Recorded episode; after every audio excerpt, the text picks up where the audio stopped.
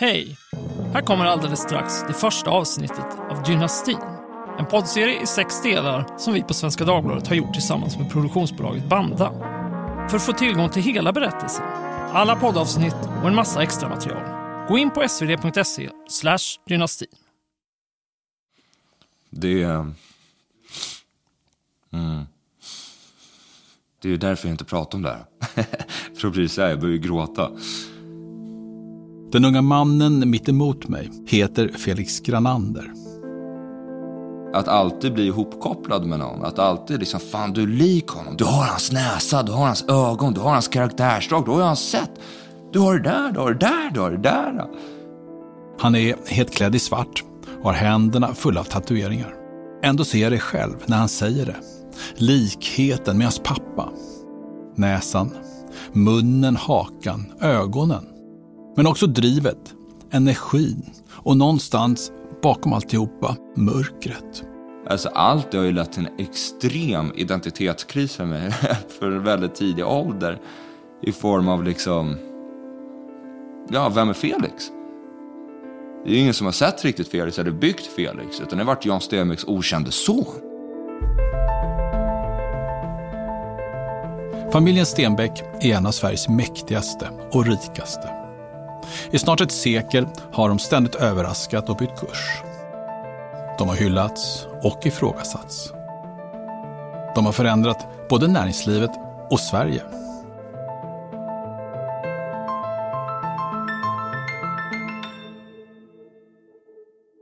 Länge leddes familjeföretaget av Jan Stenbeck, den legendariske affärsmannen som tog mobiltelefonin och reklam-tvn till Sverige.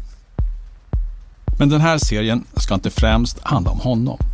Den ska handla om hans barn. Arvtagarna. Kristina, Hugo, Sophie, Max och så Felix, den okända sonen, som länge var en hemlighet även för sina syskon.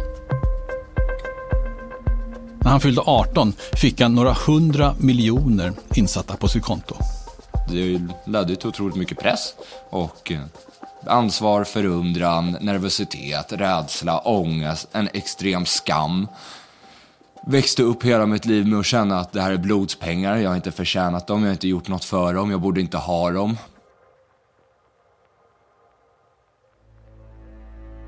Från början föreställde jag mig att historien om de här syskonen skulle vara lite som tv-serien Succession.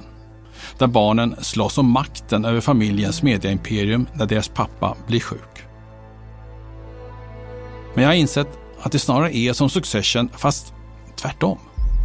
Istället för att slåss om vem som ska få styra imperiet verkar syskonen Stenbeck helst vilja slippa göra det. Kristina Stenbeck, som tog över ledarrollen efter sin far, har idag lämnat alla sina poster. Och inget av syskonen har tagit hennes plats. Hur blev det så? Varför har Jan Stenbecks barn, de som fostrades till att bli framgångsrika, nästan helt lämnat över ansvaret för dynastin? I sex avsnitt ska jag försöka besvara den frågan och samtidigt berätta syskonens historier. För som ni kommer få höra så har de varit med om en hel del. Kristina Stenbeck, hur känns det att ta över nu? Det var så orättvist.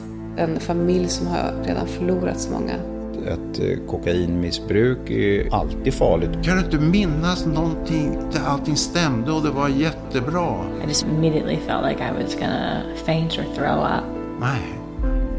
Men det enda folk snackar om liksom, det är ju det är pengar.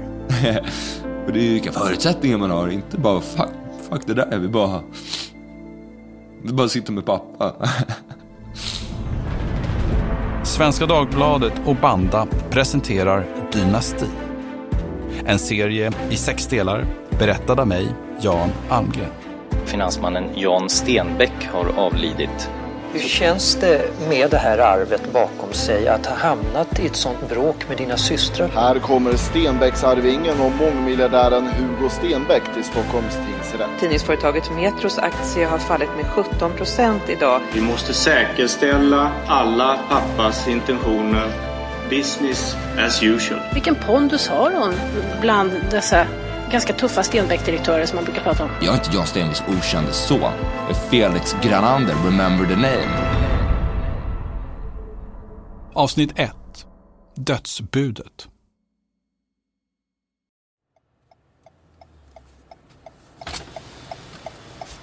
Det är varmt. Equestrian Center, vad betyder det? Equestrian. Mars 2022. Jag och producent Adam Svanell är i Florida i USA. Ganska direkt får vi svar på vår fråga. Equestrian Center betyder hästgård. En skylt uppmanar oss att köra försiktigt. Horses have right of way. Här måste man släppa förbi hästar om det kommer på gatan.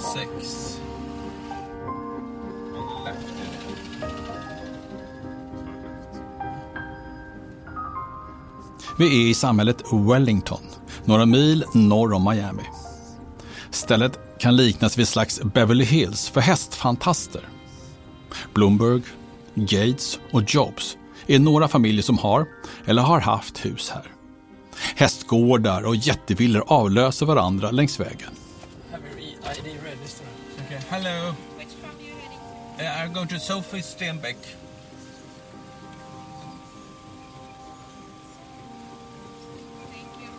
Mycket.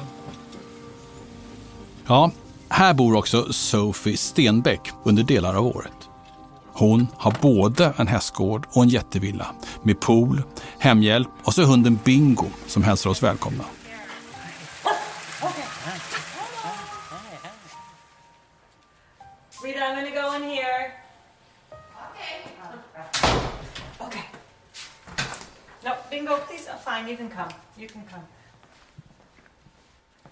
Amerikanskan Sophie säger att hon har låtit inreda sitt hem så att det ska reflektera hennes familjs svenska arv. I actually have a Swedish designer who helped me with this house and brought in a lot of the furniture from Svenskt Tenn and Swedish designers. So there's a real Nordic influence. Nordiska influenser, säger Sophie.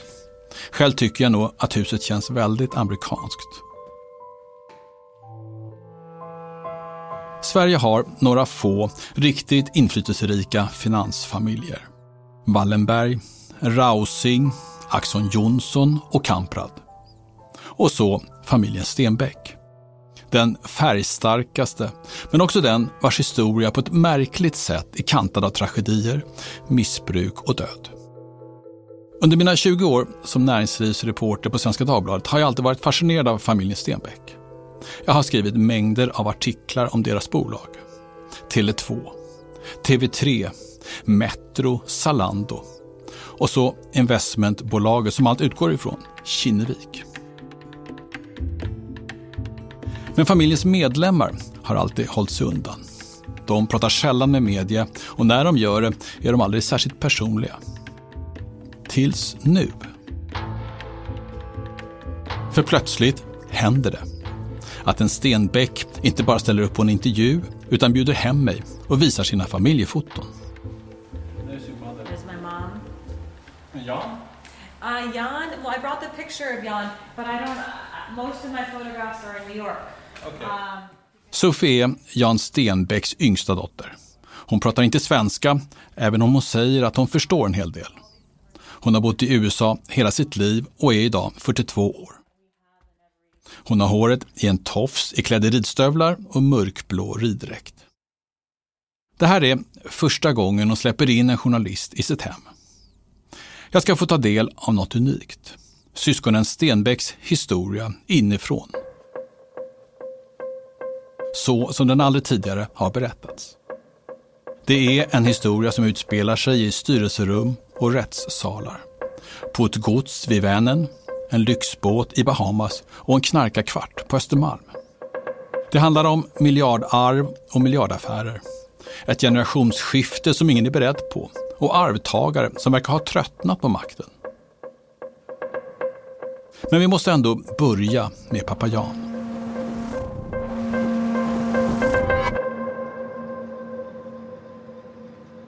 I was standing in the window and I said, Mom, why is dad driving the gardener's car? And she said, I don't know. He's going to some very important meeting.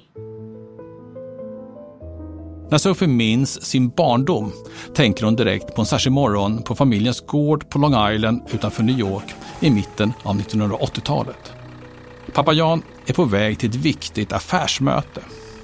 Men istället för kostym och någon av alla sina dyra bilar lånar han trädgårdsmästarens gamla van.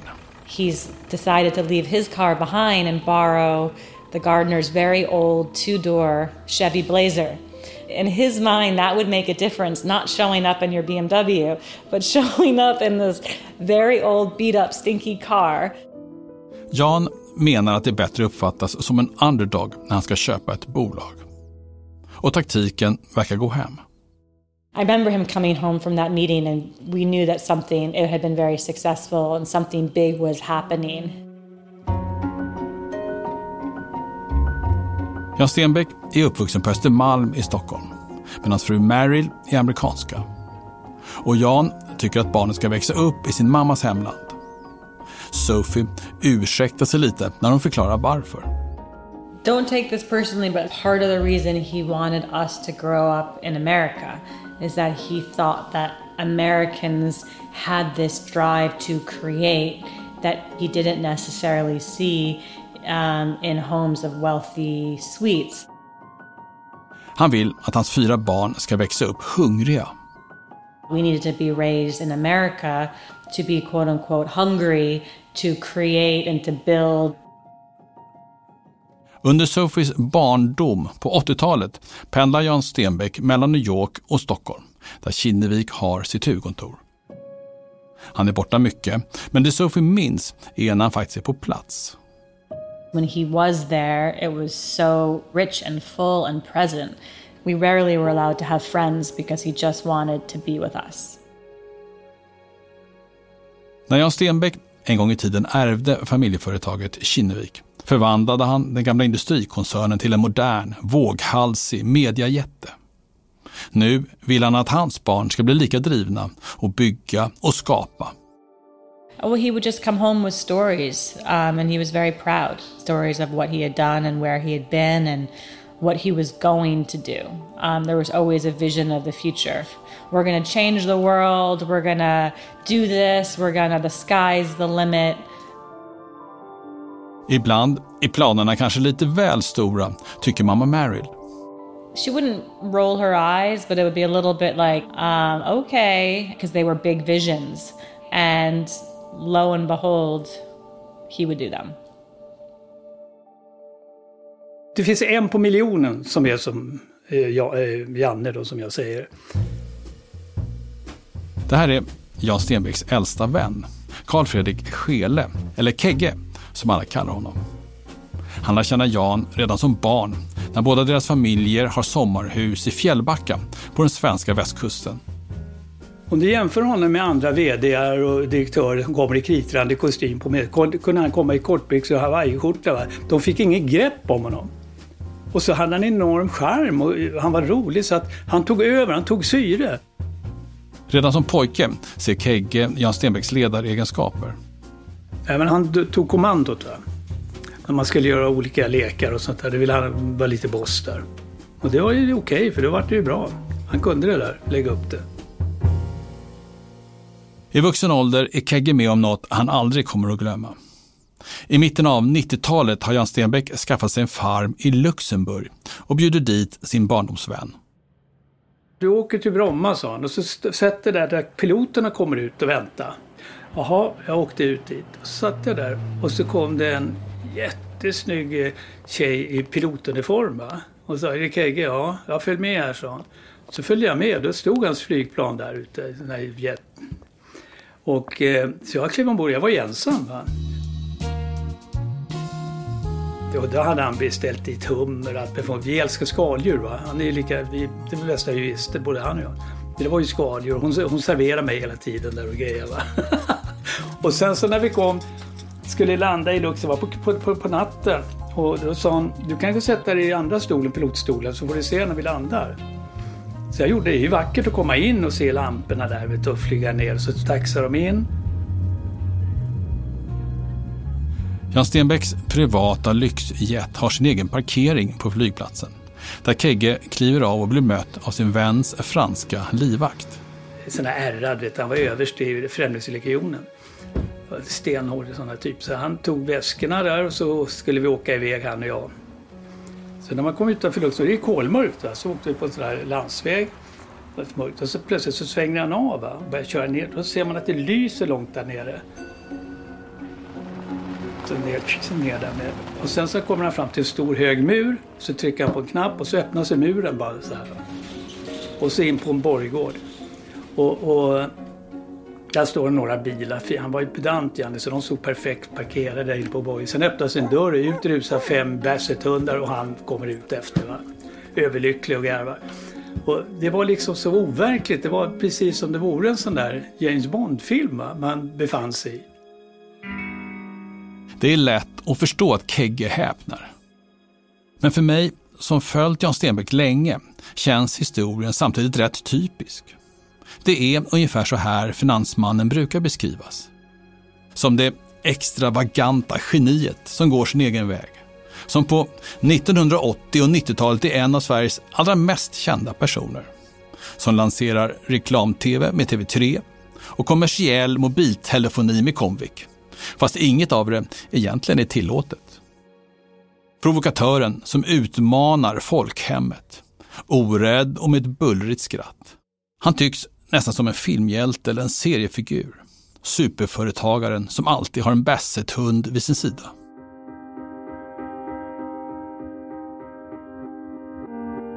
Men när Sophie berättar ger hon en mer komplex bild av sin pappa.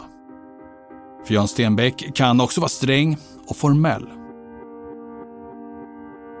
There was a formality from my dad's side of the family where they were a bit more formal and wanted us to dress and look a certain way. Sophie visar oss ett inramat familjefoto. That's a family picture. It says March 28th, 1986. Um, so it's just a family portrait. Det är en uppklädd familj som tittar in i kameran. Stora syster Kristina i vit spetskrage sitter i pappas knä med en liten missnöjd min. Hon hade helst velat sitta i mitten. She looks a little bit forlorn and I kind of remember her wanting to sit in the middle of the photo. Ettårige Max. Han är allas favorit. Storebror Hugo bredvid honom är den busige. And I'm in the middle um, with a big lace collar and sort of a smile on my face. Um, I think my dad's incredibly handsome. Jan, nytänkaren. Han som gillar att dyka upp på affärsmöten i kortbyxor och hawaiiskjorta. Han skickar alltså ut helt andra signaler till sina barn. Inom familjen är det tradition som gäller. Och de fyra barnen blir ständigt påminda om sitt ursprung. It was always like you're a Stenbeck and you're um, proud to be a Stenbeck and we're Stenbecks. And I think he just had this sense of pride of from his own family of being a Stenbeck and thought we should as well. What do you feel now when you're looking at that photo? I guess I see, you know, like there was really a strong sense of family then. It's sad, but it's also comforting that I really did come from this um, strong family unit, especially in the beginning. We were um, a team, all of us together.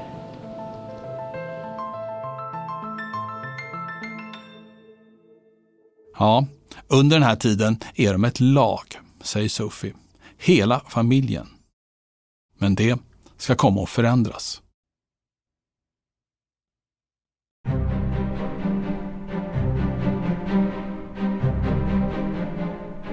Jan Stenbecks affärsimperium sysselsätter över 20 000 personer.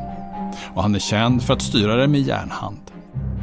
Kritikerna brukar säga att han behandlar företagsgruppen som om det vore ett enda företag. Hans företag.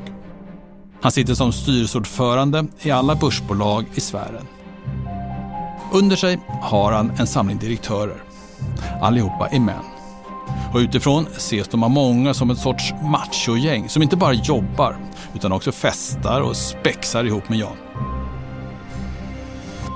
På ett omtalat foto i en årsredovisning är han och den övriga styrelsen utklädda till Blues Brothers i slokhattar och mörka solglasögon.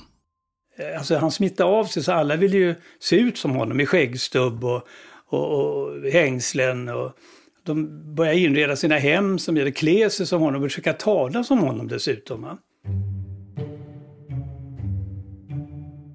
Barndomsvännen Kegge upplever att direktörerna ser Jan som sin stora idol. Ibland blir svassandet runt honom direkt plågsamt, tycker Kegge. Jag kunde vara på hans kontor på Skeppsbron när han var i Amerika. Han ringde dit och jag var i något rum. Då var de så nervösa så de ställde sig upp och pratade. de, de, så att eh, jag sa många gånger till honom, du kan inte ha chefer som står i livrädda. Det är inget vidare. Jo, det tyckte han var bra. Det kan de gott göra.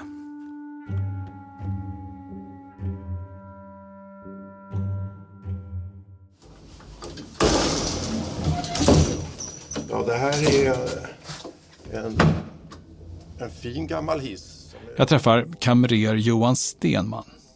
Du kommer få höra honom mycket i den här serien. Ja, välkomna till plan 5 på Skeppsbron 18 i Kinnevikshuset. Johan Stenman tar med mig till Kinneviks huvudkontor i Gamla stan. Ett smalt, högt hus i nybarock stil och med utsikt mot vattnet. Det här är klassisk mark i svensk näringslivshistoria. Inte vem som helst släpps in innanför dörrarna här. Men Johan Stenman är inte vem som helst. Han har jobbat för familjen Stenbeck i över 50 år. Det var en arbetsplats som var som en myrstack. Det var ju folk jämt här. Och, och, det var ju här som de stora förändringarna tog plats. Det var ju med Millicom och det var med TV3 och det var... Framtiden byggdes här. Och visionerna och, och det omöjliga gjordes möjligt här. Ja. Vad har du för minnen då, när du tänker tillbaka? Hårt arbete. Och framgångar. Och besvikelser. Under Jan Stenbecks tid är Johan Stenman hans kamrer. Det innebär att han har ansvar för delar av Jans ekonomi. Men inte bara det. Han gör faktiskt lite allt möjligt. Det var att åka med till Grekland med, med bil och hämta hundar och, och smuggla hundar från eh, Köpenhamn över eh, sundet och ja, fiskebåtar som Jan och hunden kom med och jag stod på andra sidan och tog emot på stranden och så pep vi upp genom Sverige. Och jag tror han tänkte själv, det är inte nog så lämpligt att fråga någon annan så jag går till Johan direkt och, och då upplevde jag att jag fick göra sånt som ingen annan ville. Det är nog inte så, utan det var hans sätt att ge förtroende. När Jan Stenbeck är ung kan Johans uppdrag ibland vara riktigt udda. Leverera bilar och hämta trasiga bilar och det var krockade bilar och det var eh, bilar som hade befunnit sig på kyrkogårdar som hade lämnat spår och det skulle då göras ogjort och det eh, Eh, Bilar som har lämnats på kyrkogård? Ja, de hade då, eller de hade lämnat spår på kyrkogården. De hade, eh, det var väl han som hade kört där helt enkelt. Nattklubben Alexandra låg nära och det var väl eh, kanske så att eh, ja, det var mycket märken i gräsmattorna på kyrkogården och de var jag med och fixade till. Så Jan Stenbeck har, har kört bil på Johannes kyrkogård? Och vem som körde vet jag inte, men jag vet bara att han bad mig att fixa märkena på kyrkogården. Och det gjorde jag och gick upp och väl sa att det var jag som hade gjort det. Men vi skulle inte dra in polisen. Men eh, det är ju glömt och begravt och det är historia. Det finns många skräckhistorier om kulturen på Kinnevik om chefer som får böta pengar ur egen ficka när de inte når de uppställda målen. Eller som blir utskällda, ja, nästan förnedrade av Jan inför sina kollegor på konferenser.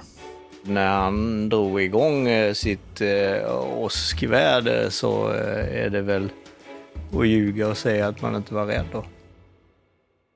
Lars-Johan Jarnheimer är under många år en av de här direktörerna, som vd för Tele2. Men ofta när han fick de här, vad ska jag kalla utbrotten, så nio av tio fall så var det ju rätt. Va? Jan Stenbeck ringer till sina direktörer morgon, middag, kväll. Alltid med nya frågor, alltid med krav på att de gamla ska ha fått tillfredsställande svar. En gång ska Lars-Johan Jarnheimer lansera en betal-tv-kanal och råkar ge den ett namn som redan är upptaget. Ja, då ringer ju Jan. Så säger han så här.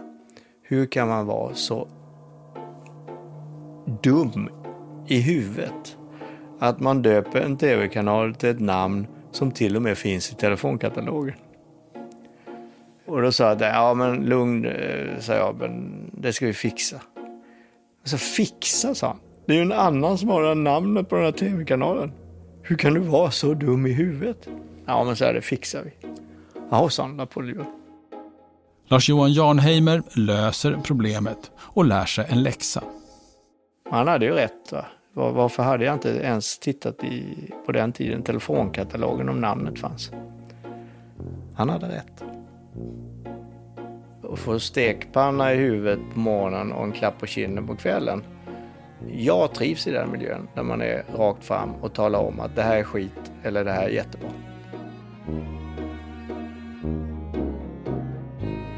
Även barnen drabbas av Jans humör.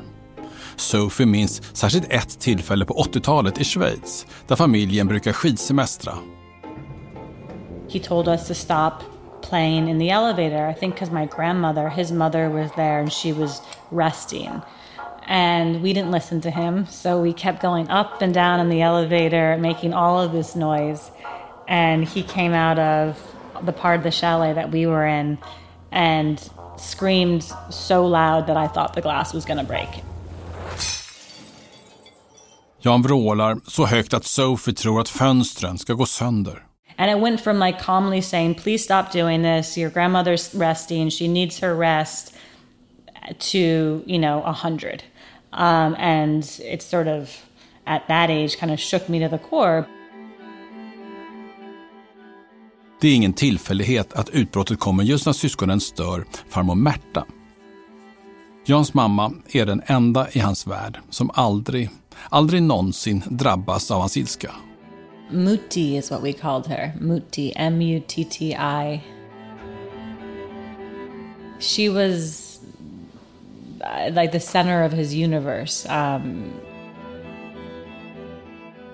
when she came to our house in New York, it was always a big deal. Um, we would always get all dressed up for her, and it was truly felt like the queen of our family was arriving. And there, I, I honestly have never seen a son so loving to a mother, especially an adult son. It was um, really, really special.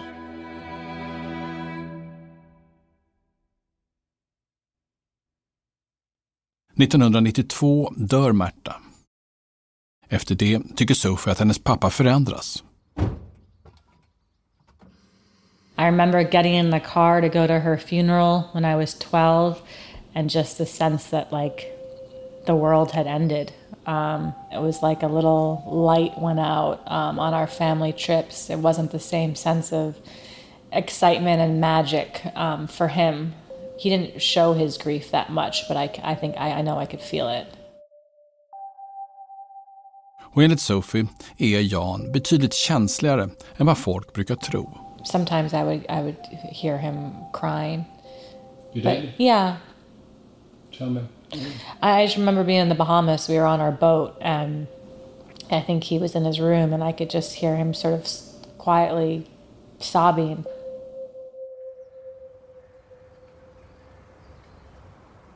Det är efter mamma Märtas död som Jan skaffar farmen i Luxemburg.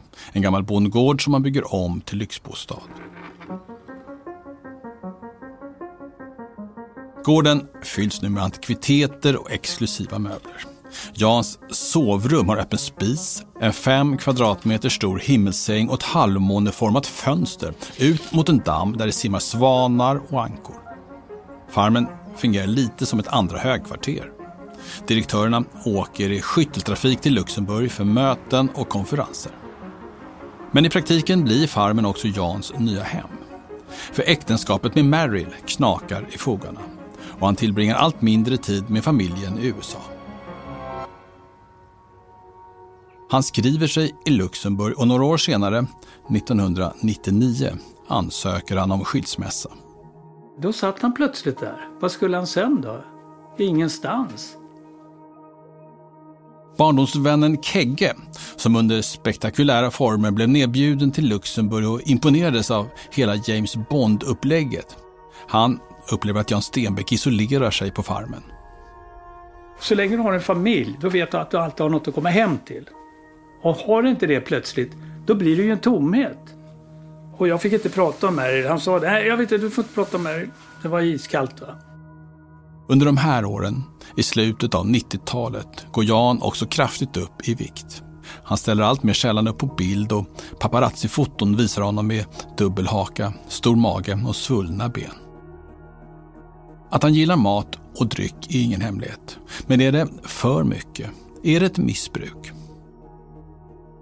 En av hans vänner, kriminologen Leif GW Persson, har i en uppmärksammad intervju med Sveriges Radio berättat om sina och Jans mat och dryckesorger. På slutet så introducerade han en speciell vickningsrätt. Den bestod av potatismos som huvudsakligen bestod av vispgrädde och äggulor och en och annan potatis. Och i detta så brukar han röra ner en, en väldigt stor burk rysk kaviar och så åt han den där med sked. Då. Jan var ju mitt i alltihopa en jävligt ensam människa. Då hade han ju den här givna trösten då i form av äta och dricka. När jag nu pratar med folk i Jans närhet vill de gärna nyansera det här. Jan drack för mycket och han åt för mycket, men det var liksom bara två yttringar. Jan gjorde allting alldeles för mycket. Han hade lite för många snabba bilar, han hade lite för många företag. Så det var larger than life. Det säger Pelle Törnberg, en annan av Stenbecks direktörerna. Sen finns det ju massa sådana där spekulationer. Jag vet att GW Persson alltid brukar berätta om någon mystisk maträtt. Den har ingen annan än GW Persson hört talas om. Barndomsvännen Kegge. Jag sa till Jan en gång att du, du måste tänka på vikten. Ja, vadå då? Ja, men du, du har gått upp för mycket. Och så ringde inte han mig på 14 dagar. Så ringde han efter 14 dagar. Jag är väl inte så jävla tjock som du säger. han har gått och tänkt på det. Tror du att, är du rädd för att han var olycklig? Ja, det tror jag han var. Jag inte han var särskilt lycklig. Det blir ju inte det om du går upp i vikt så mycket och du lägger av med allting liksom, och gör någonting. Du, det, det, jag tycker så att du ger upp. Skulle du säga att han var alkoholiserad? Ja, det är klart man är om man dricker dagligen. Men, men han var aldrig som de utmålade i tidningen att han var, satt och söp och så. Det gjorde han inte. Men skilsmässor är inte roligt och det, det är framförallt inte roligt för barnen.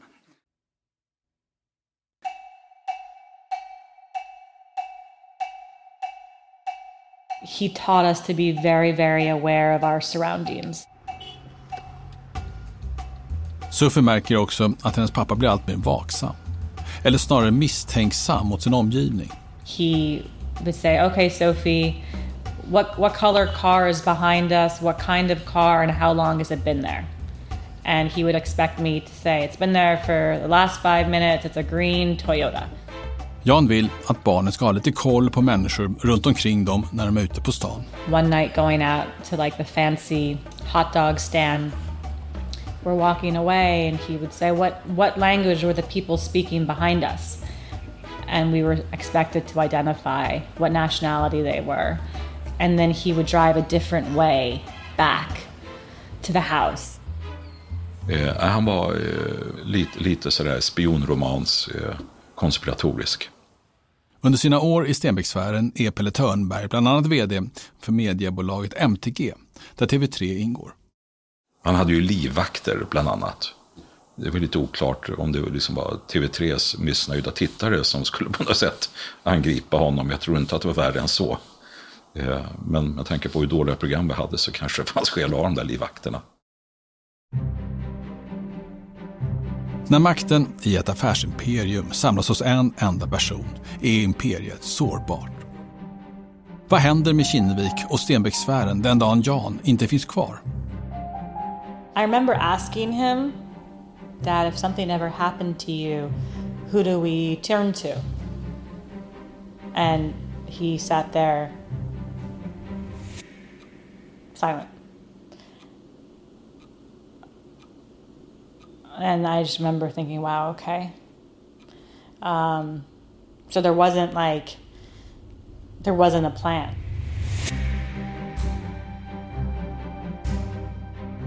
Nej, det finns ingen plan. Men det finns hemligheter. Hemligheter som bara några få män i Jans närhet är invigda i.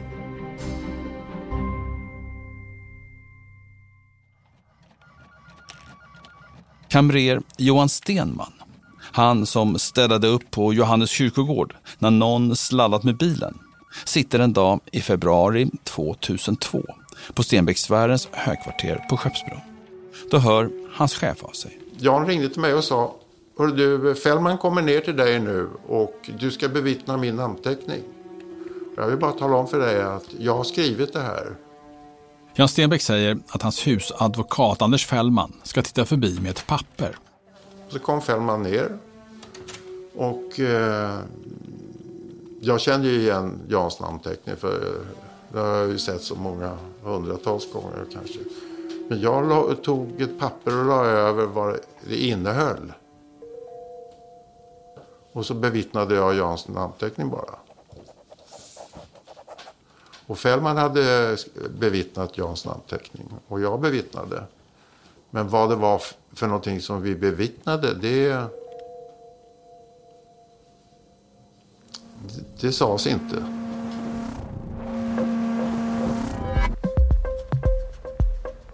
Det kommer visa sig att just det här dokumentet ska kasta om tillvaron för hela familjen Stenbeck.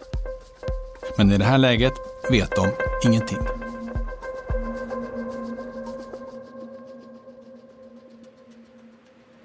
Ett halvår senare befinner sig tre av Stenbecksbarnen, Sophie, Kristina och Max, på den amerikanska östkusten. It was time for us to spend time with my mother, which was on Martha's Vineyard. Det är sensommar och de har precis anlänt till mamma Meryl efter två veckor hos Jan i Europa. It was summertime, but it was overcast. It wasn't a typical summer afternoon. There was this heaviness in the air. De är på en ö som heter Martha's Vineyard. Hit reser välbärgade New York-bor och Boston-bor under sommarsäsongen. There is sort of a Swedish landscape to this island. So we have a beautiful family house that's set back deep in the woods. Mamma Marys hus ligger en bra bit in i skogen, utan mobiltäckning. Det finns bara fast telefon. Sofie är 22 år och inne i en bra period i livet. Hon ser fram emot en ny termin med statskunskap och litteraturvetenskap i New York. My dad uh, loved that I was studying politics because he thought there could be a political career. Um, I lived with a dog and I just had this very sort of free, independent life. I think I had just broken up with my boyfriend and I loved my life in New York. Um, and then this happened. Det är mitt på eftermiddagen den 19 augusti 2002. Då ringer telefonen. Jag vet att det var en, eh, det var en väldigt varm dag med åska i luften och det eh, blixtrade till och från. Och... Det är Tele2-direktören Lars-Johan Jarnheimer som är i luren. Eh, en del minne biter sig eh, fast hårdare än andra då. Det här är väl ett sånt i, i mitt liv då. Några timmar tidigare har han anlänt till Jan Stenbecks farm i Luxemburg. Det är tänkt att han och Jan ska ha ett affärsmöte. Men när Jan Heimer närmar sig gården får han syn på något längre fram. Det är en liten väg då ut till den här farmen och då ser jag en ambulans som kör iväg då och det var ju Jan de hade hämtat då.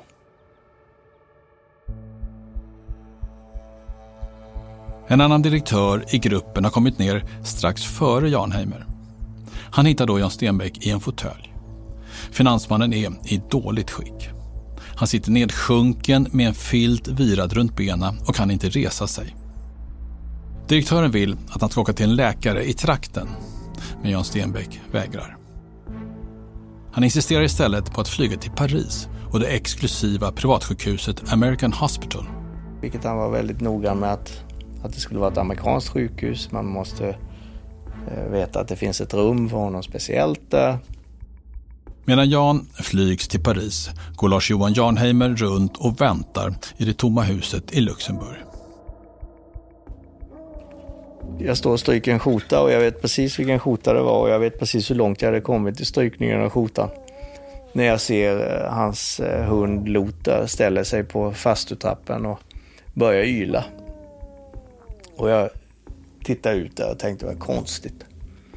Och då dröjde det inte länge från de ringer från sjukhuset och sagt att, eh, sa att han hade gått bort. Jan Stenbeck har fått en hjärtinfarkt. Och hans liv går inte att rädda. My sister received a phone call that my father had died. I huset på ön vid den amerikanska östkusten hör Sophie hur Kristina pratar med Lars-Johan Jarnheimer i telefon. she pulled me aside and told me. And it was almost like I didn't even stop to process the news myself. I just quickly went to find Max.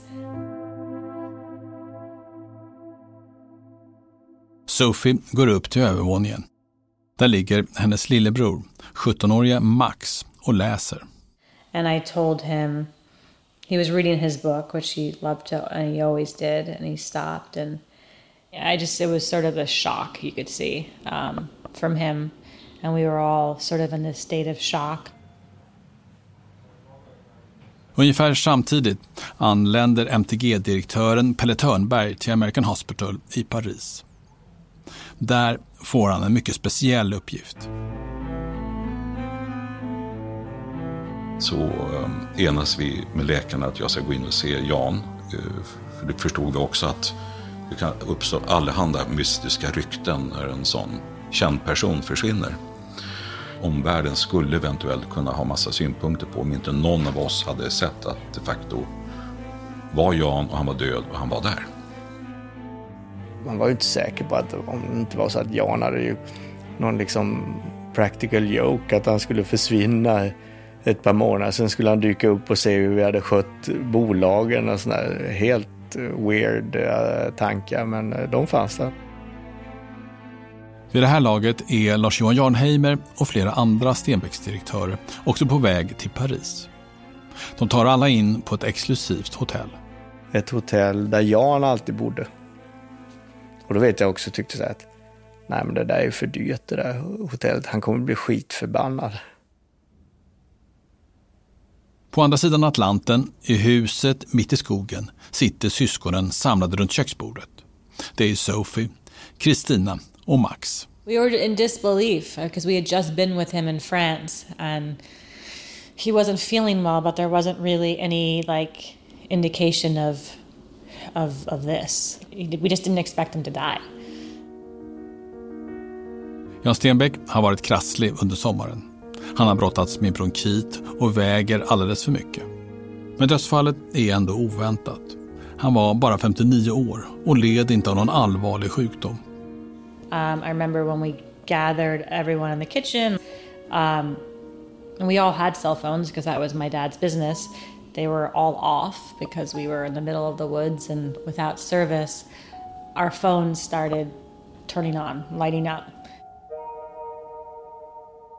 Mitt i skogen på en plats utan täckning börjar syskonens avstängda mobiltelefoner att blinka. Sophie kan inte se det som något annat än ett tecken från sin pappa.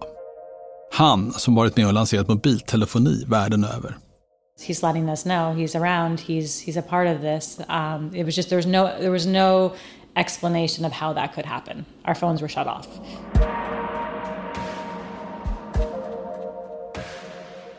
Vad händer nu? Vem ska ta hand om allt kring deras pappas död? Vem ska ta hand om imperiet? Syskonen vänder sig till stora syster Kristina.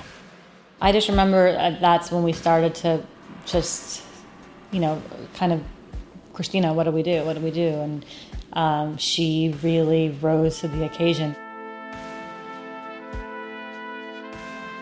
Det blir hon som axlar ansvaret. So it was us kids really leaning on my sister, trying to figure out how we navigated everything because it was on us. And then we just went into crisis mode.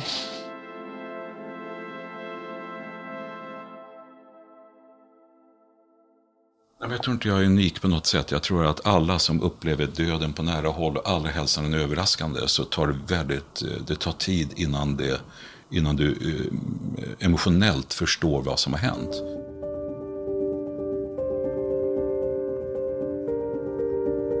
Nej, några tårar har inte Jan Stenbecks direktörer tid för den här natten på hotellet i Paris. Det var bara jobb. Vi skulle bara ringa. Det var hundratals människor som vi skulle kommunicera med. Vi skulle enas om massa saker. Ska vi ha en presskonferens? Ska vi inte ha det? Var ska den vara någonstans? För vilken tidpunkt? Vem ska säga vad? Och jag vet att vi ringde till en regeringsföreträdare mitt i natten för att berätta om det här. Och en halvtimme senare ringde Expressen. Så det kan man ju fråga sig hur det gick till.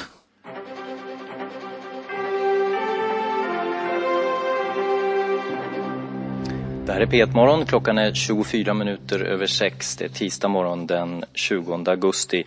Och vi har fått eh, beskedet den här morgonen att finansmannen Jan Stenbeck har avlidit. På morgonen flyger direktörerna med privatjet till Stockholm. De har varit vakna hela natten. Alla var helt urlakade av trötthet. Men vi fattade ju också att det är viktigt att vi andas någon form av lugn och trygghet. Nyheten om Jan Stenbecks bortgång i morse ledde omedelbart till ett fritt fall för sfärens bolag. Tidningsföretaget Metros aktie har fallit med 17 procent idag. Mediekoncernen MTG har fallit 9 procent och Tele2 har fallit med 6 procent. Medan börskurserna rasar hopar sig frågorna. Företagsstrukturen idag är så komplicerad att det är ingen som har total inblick i imperiet. Det kanske är så att det kommer fram lik garderoben nu.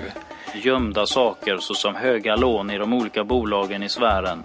Vad är Stenbeck-sfären utan Jan Stenbeck? Och kan någon överhuvudtaget ersätta honom? En presskonferens är utlyst till klockan 15 samma dag.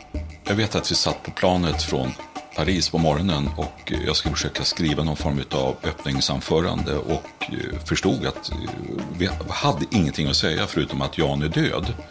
Alla väntade på att få fullödig information. Vi skulle ha en plan klar och alla ville veta liksom, hur tänker ni göra nu? Och hade, vi hade ju inte svar på det. I nästa avsnitt av Dynastin. Flera bedömare menar att hon är för ung för att axla manteln efter sin karismatiska fader redan nu. Jan begravs under väldigt ovanliga former. Och se barnen sitta där helt förgråtna och frun och de sitter och bara super och skrattar och håller på och raggar på servitriser och grejer. Patrask! Och det där dokumentet som kamrer Johan Stenman bevittnade kommer ut och skapar rubriker. Jag var tillsammans med Kristina då och någon ringer och säger att de har den här storyn och den kommer att köra nu. Du har hört första avsnittet av Dynastin. En dokumentärserie från Svenska Dagbladet och Banda. För att läsa mer om familjen Stenbeck, se bilder från deras privata fotoalbum och mycket mer, gå in på svd.se dynastin. Dynastin är skriven av mig, Jan Almgren, som är reporter och Adam Svanell som är producent. Exekutiva producenter är Lovisa Lam Nordenskjöld och Hugo Lavett. Ljudläggning av Thomas Hendley. Slutmix av Elin Rosenberg. Med i redaktionen finns också Sofia Sinclair, Daniel Kederstedt, Martina Piro, Johan Persson och Anders Billing. Den grafiska formen är gjord av Henrik Malmsten. Ledmotivet är komponerat och framfört av Patrik Berg Almqvist. Övrig musik är från Epidemic Sound. Arkivljuden i det här avsnittet kommer från Sveriges Radio, Expressen, TV4 och Sveriges Television. och ansvarig utgivare är Anna Kareborg.